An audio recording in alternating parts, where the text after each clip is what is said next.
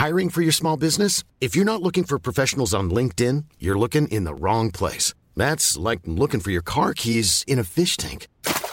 LinkedIn helps you hire professionals you can't find anywhere else, even those who aren't actively searching for a new job but might be open to the perfect role. In a given month, over 70% of LinkedIn users don't even visit other leading job sites. So start looking in the right place. With LinkedIn, you can hire professionals like a professional. Post your free job on linkedin.com slash people today.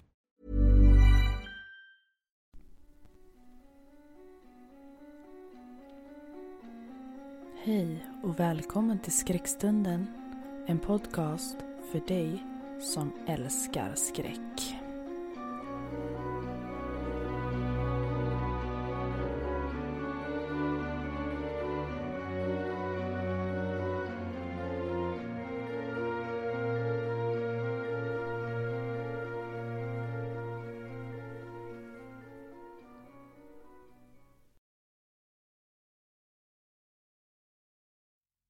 Har du någonsin hört talas om Getmannen? En varelse som fått ett eget liv på internet. Berättelserna finns att läsa i all oändlighet. Getmannen som sägs vara en blandning utav en människa och en get som lever i skogen och sprider en fruktansvärd stank omkring sig. Ofta igenkänd som blod och metall. Det sägs även att Getmannen kan ta skepnad av en människa den haft närkontakt med och att den dessutom även kan härma deras röster vilket gör det enkelt för den att lura till sig människor genom att se ut och låta som någon man känner. Vi ska börja dagens avsnitt med en berättelse ifrån en tjej som heter Linnea och som utspelar sig i Ångermanlands djupa skogar. Det jag ska berätta om nu hände sommaren 2015 när jag var 19 år. Varje sommar innan den här hade jag och en vän till mig alltid åkt upp till Hummelvik, en liten ort som ligger en bit utanför Bjästa i Ångermanland. Även denna gång var vi allt som allt en grupp på fem personer. Det var jag, min vän Lina, som ägde stugan vi skulle bo i. Hennes pojkvän Liam, hans kompis Pontus och en till tjej vid namn Hanna. Eftersom att vi alla är friluftsmänniskor var vår plan att spendera mycket tid i skogen. Kanske kampa några dagar och utforska vår omgivning mer än vad vi tidigare gjort. Efter en hel dags bilåkande kom vi fram, trötta och hungriga och vi bestämde oss då för att vi bara skulle ta det lugnt den första kvällen. Vi skulle handla lite mat, packa upp och sen bara sova. Sagt och gjort, det blev en tidig kväll och morgonen på kände sig alla piggare och redan vid frukost bestämde vi att dagen skulle spenderas med att utforska skogen som bara ligger ett stenkast från stugan. Vi packade med oss diverse nödvändigheter och dessutom campingutrustning. Mest ifall vi skulle hitta något passande ställe att spendera natten på. Efter cirka fyra timmars vandring i skogen, i grov uppförsbacke mer eller mindre hela tiden, kom vi fram till en glänta där det låg en liten kärn. På vägen dit hade skogen blivit allt tjockare och tätare. Vi var alla rätt trötta och bestämde oss för att pausa där. Vi började leta efter något bra ställe att slå oss ner på och på andra sidan kärnen fanns det en eldstad och några bänkar som vi satte oss vid. Vi gjorde upp en eld, lyssnade på musik och bara umgicks. Tiden rann iväg och helt plötsligt hade det börjat mörkna. Vi valde att tillbringa natten där och började slå upp våra tält. Det gick relativt fort och när alla var klara plockade Liam fram en braspanna som vi skulle kunna göra kvällens mat i. Det var då jag började känna en konstig lukt. Det påminde lite om smaken man har i munnen när man blöder näsblod. Jag frågade de andra om de kände någonting och jo, det, det gjorde de. Liam sa att braspannan var helt ny, att det kanske var den som luktade. Jag ryckte mest på axlarna och tänkte inte så mycket mer på det. Men allt eftersom så tonade lukten bort och jag glömde mer eller mindre bort det. Någon timme senare gick Lina och Pontus iväg för att leta efter lite mer ved. Och bara några sekunder efter att de försvann ur vårt sikte så kom lukten tillbaka. Men den här gången var den starkare och till skillnad från förra gången så tonade den inte bort utan bara blev värre och värre. Det luktade verkligen som att någon stod i skogen bredvid oss och kokade blod. Jag vet att det låter sjukt, men jag vet inte hur annars jag ska kunna beskriva det. Jag såg på Liam hur han fick kämpa för att inte kräkas rakt ut och jag tvivlar på att jag såg annorlunda ut. Lukten höll sig lika stark i kanske en halv minut och sen började den avta igen. Vi som var kvar runt elden såg oroligt på varandra eftersom att braspannan den här gången nu var både släckt och nerpackad. Helt plötsligt kom Pontus tillbaka till elden där vi satt och frågade var Lina var. Vi undrade varför vi skulle veta det eftersom det var ju honom hon hade följt med för bara tre minuter sedan. Han förklarade att han måste ha tappat bort henne medan de plockade ved. Han sa att han hela tiden trodde att hon hade varit nära honom eftersom han hade hört hennes steg alldeles intill sig själv. Men att när han vände sig om för att fråga om de hade tillräckligt med ved för att gå tillbaka inte hade kunnat se henne. Det var då han hade valt att gå tillbaka till oss för att se om hon hade börjat gå tillbaka före. Vi sa att hon inte har varit här och frågade om han också hade känt lukten. Han sa att han inte hade det och verkade nästan lite irriterad över att vi satt där och frågade om någon lukt när Lina saknades. Precis när vi började gå mot skogen för att hitta Lina hörde vi hennes röst bakom oss. Vi vände oss om och såg att hon stod vid andra sidan av våra tält och grillplatsen. Alltså på den motsatta sidan som hon och Pontus gått mot för att hämta ved. Vi frågade var hon hade tagit vägen, men hon svarade inte. Hon kollade mest på oss med ett tomt ansikte. Hur som helst var vi glada att hon var tillbaka och vi satte oss ner kring vår eld igen. Till en början hade vi trevligt tills Linas pojkvän lutade sig mot mig och frågade om det inte var något fel med Lina. Jag svarar att hon visserligen varit lite tyst men att det kanske berodde på att hon var trött eller så. Liam sa att det var vad han också trodde först men att det verkar vara någonting som är konstigt. Hon svarade bara på tilltal och pratade endast med ord hon hört någon annan säga först. Han sa att om han till exempel frågade om hon behövde gå på toaletten svarade hon bara ja, toaletten. Det var då jag märkte att lukten var tillbaka. Absolut inte lika stark som förra gången, men stark nog för att märkas av. Jag frågade Liam om han kände den och han nickade bara. De andra verkade dock lyckligt ovetande om Linas tillstånd och var inne i någon diskussion om vad vi skulle göra imorgon. Jag tittade på Lina och hon satt bara där. Ibland flackade hennes blick lite, men annars så satt hon helt still. Jag ställde mig upp och frågade om vi kanske skulle sova snart. Och då rörde sig Linas blick från elden till mig, lika tom som förut. Och hon gjorde någon rörelse som nog skulle likna en nickning. Liam sa att han också var lite trött, men de andra två sa att de nog kunde stanna upp ett tag till. Plötsligt ställde sig Lina upp och gick mekaniskt mot sitt tält. I samma sekund som hon gick in i sitt tält stärktes blodlukten och nu reagerade även de andra. Vi tittade på varandra samtidigt som lukten bara växte sig starkare och starkare. Hanna frågade vad det var som hände och jag och Liam berättade. När vi var klara så såg Pontus ganska skeptisk ut, vilket inte förvånade mig eftersom han alltid säger att det finns en naturlig förklaring till saker och ting, medan Hanna mest såg illamående ut. Vi bestämde oss för att gå och lägga oss i alla fall istället för att sitta där i lukten. Hanna släckte elden och jag och Pontus plockade undan lite Sen gick vi alla och la sig i mitt, Pontus och Hannas tält. Egentligen skulle Liam ha sovit med Lina i ett eget tält. Men med tanke på blodlukten som kommit och gått och Linas konstiga beteende och att Pontus fortfarande insisterade på att han hade hört Linas fotsteg i skogen så tänkte jag att det kanske vore bäst om vi höll ihop. Vid det här laget hade klockan hunnit bli nästan två på natten och vi började bli väldigt trötta.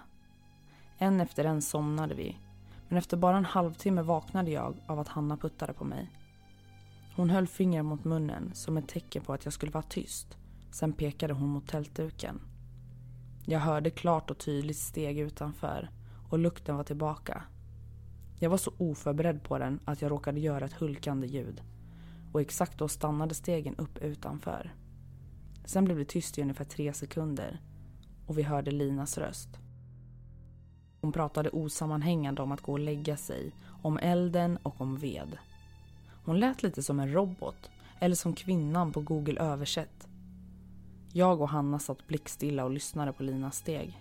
Hennes babblande och försökte samtidigt att inte kräkas av lukten som nu hängde över oss som en våt filt. Vi satt så i säkert tre timmar innan vi hörde hur Linas mummel tonades ut och hennes steg försvann bort ifrån tälten.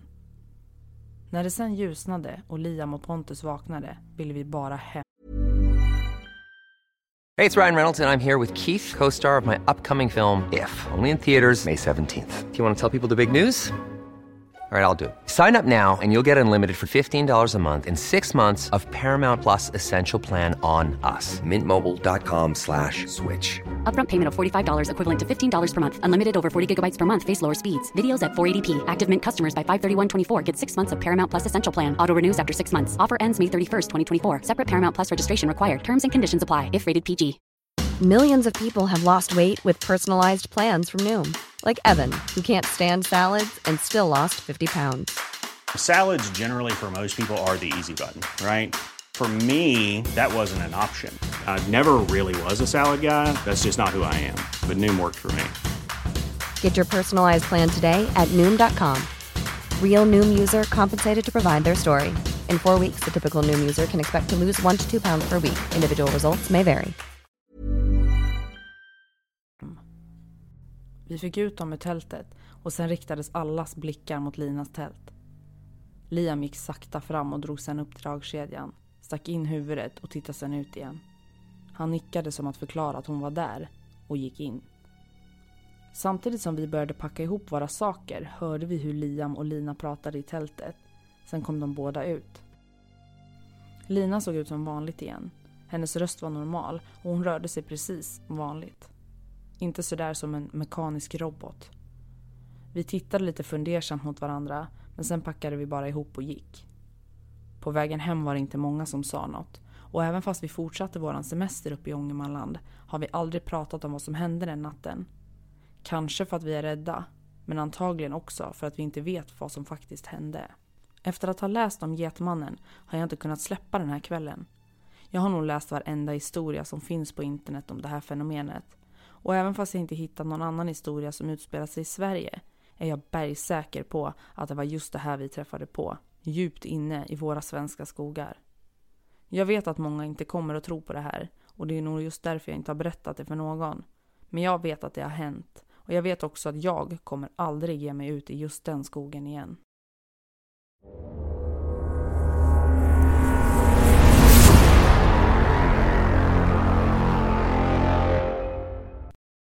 Vad tror du? Finns Getmannen på riktigt?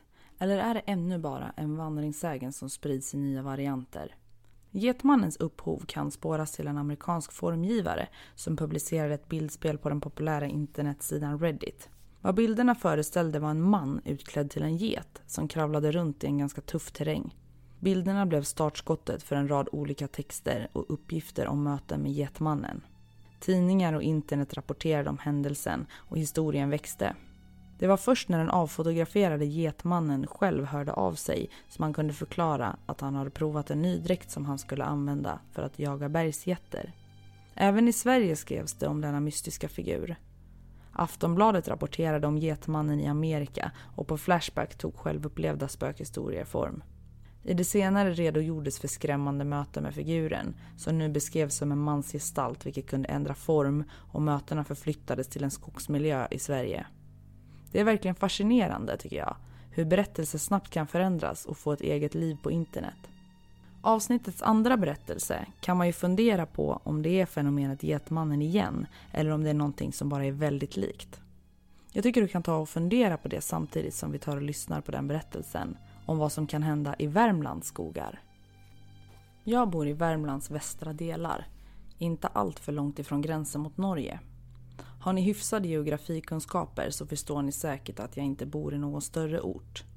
Det sägs ju att Värmland är känt för sina stora skogar och många sjöar och passande nog är jag mycket intresserad av friluftsliv. Allt ifrån svampplockning och fiske till naturfotografering och helt vanliga skogspromenader.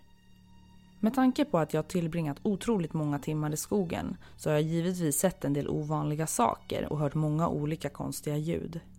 Exempelvis har jag sett älgar med gigantiska kronor på huvudet som haft långa och våldsamma kamper om en älgko. Jag har även vid två tillfällen sett vargar skymta förbi och även hört vargylande på väldigt nära håll. Jag har till och med sett en björn lufsandes vid vattnet. Lyckligtvis medan jag satt i en båt på ganska långt håll. Men det jag ska berätta om nu är någonting som är helt utöver det vanliga. En dag bestämde jag och en nära vän till mig att vi skulle tillbringa natten i ett vindskydd djupt in i skogen nära en ganska liten sjö med flera små öar. Jag kollade hur kvällens och nattens väder skulle bli och det såg väldigt behagligt ut. 15 grader, vindstilla och fullmåne. Perfekta förutsättningar för en trevlig och minnesvärd kväll. Jag åkte en snabbis till ICA för att inhandla kvällens förnödenheter. Grillad korv med bröd och räksallad stod på menyn. Jag packade min ryggsäck och tog med mig sovsäck och kudde. Även min otroligt fula men ack så funktionella mygghatt fick följa med ifall det skulle bli outhärdligt med mygg och knott. Klockan närmade sig 20 och min vän plockade upp mig för avfärd mot skogen. Efter cirka två mil på en grusväg rakt in i skogen, långt ifrån all civilisation, så var vi äntligen framme. Vi bar med oss vår packning och en IKEA-kasse som var fullproppad med ved och en NVT-tidning för att enkelt kunna tända brasan. Efter en promenad på någon kilometer så var vi framme vid vindskyddet. Vi fick igång brasan på första försöket och kunde börja grilla ganska snabbt. Vi hade inte ätit på många timmar och var därför helt utsvultna. Egentligen grillar man bäst på glöd, men vi var på tok för hungriga för att vänta så länge så vi började grilla så fort elden hade tagit sig ordentligt. Korven smakade fantastiskt och vi hade inte fått ett enda myggbett på hela kvällen. Meteorologernas löfte om bra väder hade uppfyllts och det var till och med varmare än vad som hade sagts. Månen var stor och sken upp den lilla sjön bra och det var väldigt stjärnklart. Efter en stunds snack gick vi ner till sjön och fyllde en petflaska med vatten för att släcka den glödande brasan. På väg upp mot vindskyddet igen hörde vi ett ljud som är lite svårt att beskriva. Vi blev knäpptysta för att höra det märkliga ljudet bättre. Det lät lite som en klocka som tickade, fast helt i otakt och ibland dubbel och ibland trippelslag. Det ekande tickande ljudet blev periodvis starkare, men efter en stund så avtog det helt. Egentligen borde vi suttit och spekulerat om vad det kunde ha varit. Men vi var båda så trötta så vi gick och la oss och så pratade vi inte mer om det. Det tog inte mer än kanske fem minuter så hörde jag att min kompis andetag hade gått över till små snarkningar. Jag la mig till rätta. Jag kunde inte låta bli att tänka på det tickande ljudet. Vad kunde det vara? Min närmaste gissning var att det pågick någon avverkning av skog i närheten och att ljudet kom från någon maskin. Vilket egentligen också var ganska långsökt. Efter en stunds funderande somnade jag till slut också. Jag vet inte hur länge jag hade sovit när jag yrvaken och väldigt kissnödig reste mig upp ur sovsäcken och sprang till närmaste träd för att uträtta mina behov. Jag tittade ut över den lilla sjön som tack vare månljuset syntes väldigt bra för att vara mitt i natten. Den närmaste ön låg knappt 70 meter från vårt vindskydd. När jag vände blicken mot ön så såg jag någonting som rörde sig mot sjön. Jag fokuserade mina nyvakna ögon på det som rörde sig och som nu hade böjt sig ner mot sjön. Gissningsvis för att dricka. Den reste sig igen och jag såg då att det inte var något djur som hörde hemma i en svensk skog. Jag skulle gissa på att den var cirka två meter hög och stod uppenbart på två ben. Den hade ett lite avlångt ansikte med stora runda ögon och tjock, ganska kort hals. Kroppen var lite äggformad med långa smala armar och ganska långa ben. Jag blev helt stel av skräck och pulsen gick på högvarv. Det såg ut som att varelsen märkte att jag stod där och det kändes verkligen som att vi fick ögonkontakt. Plötsligt ekade det tickande ljudet igen och den här gången var det mycket högre. Det kom helt klart från varelsen. Jag sprang panikartat tillbaka till vindskyddet och väckte min kompis. Min kompis som genast hörde det tickande ljudet och såg mitt skräckslagna ansikte ställde sig genast upp och förstod att vi hade bråttom därifrån. Vi greppade våran packning men vi lämnade säkert kvar hälften. Vi sprang allt vad benen orkade så långt vi kunde innan det tickande ljudet helt hade avtagit. När vi äntligen såg bilen var vi båda så sjukt anfodda och skakiga. Min kompis som med skakig hand öppnade låset på bilen, tryckte in all packning. Han hade redan fått igång tändningen innan jag hade hunnit sätta mig. Vi körde därifrån i full fart och när jag till slut hade hämtat andan så förklarade jag vad jag hade sett. Efter ungefär 25 minuter hade vi äntligen kommit hem och vi båda gick utmattade och uppskrämda och la oss. På morgonen åkte jag till min kompis för att diskutera vad vi hade varit med om. Vi kom fram till att varelsen uppenbarligen kunde simma eftersom den hade tagit sig till den lilla ön. Men vi kom aldrig fram till vad varelsen var för någonting. Jag kan säga att vi åkte aldrig tillbaka för att hämta resten av vår packning. Och jag kommer aldrig återvända till den delen av skogen igen.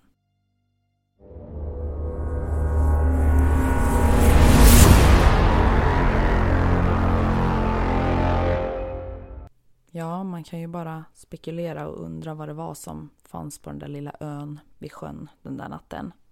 Idag har vi pratat lite om Getmannen som faktiskt är en personlig favorit för mig. Nästa fredag ska vi djupa oss i en annan ganska känd varelse. Jag hoppas att ni ser fram emot det, för det gör jag. Och glöm inte att skicka in era berättelser eller upplevelser till mig om ni vill dela med er som jag sen kan läsa upp här i podden. Alla kontaktuppgifter till mig finns i avsnittsbeskrivningen. Jag skulle även bli superglad om ni vill ge en recension och ett betyg på podden i er app.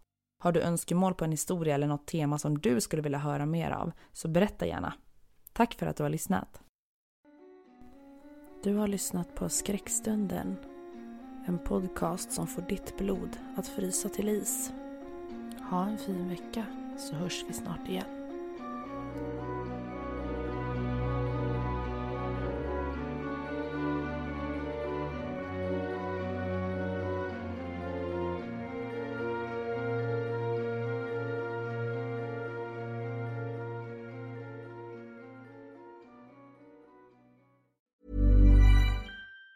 Even on a budget, quality is non-negotiable. That's why Quince is the place to score high-end essentials at 50 to 80% less than similar brands. Get your hands on buttery soft cashmere sweaters from just 60 bucks, Italian leather jackets, and so much more. And the best part about Quince, they exclusively partner with factories committed to safe, ethical, and responsible manufacturing. Elevate your style without the elevated price tag with Quince. Go to quince.com slash upgrade for free shipping and 365-day returns.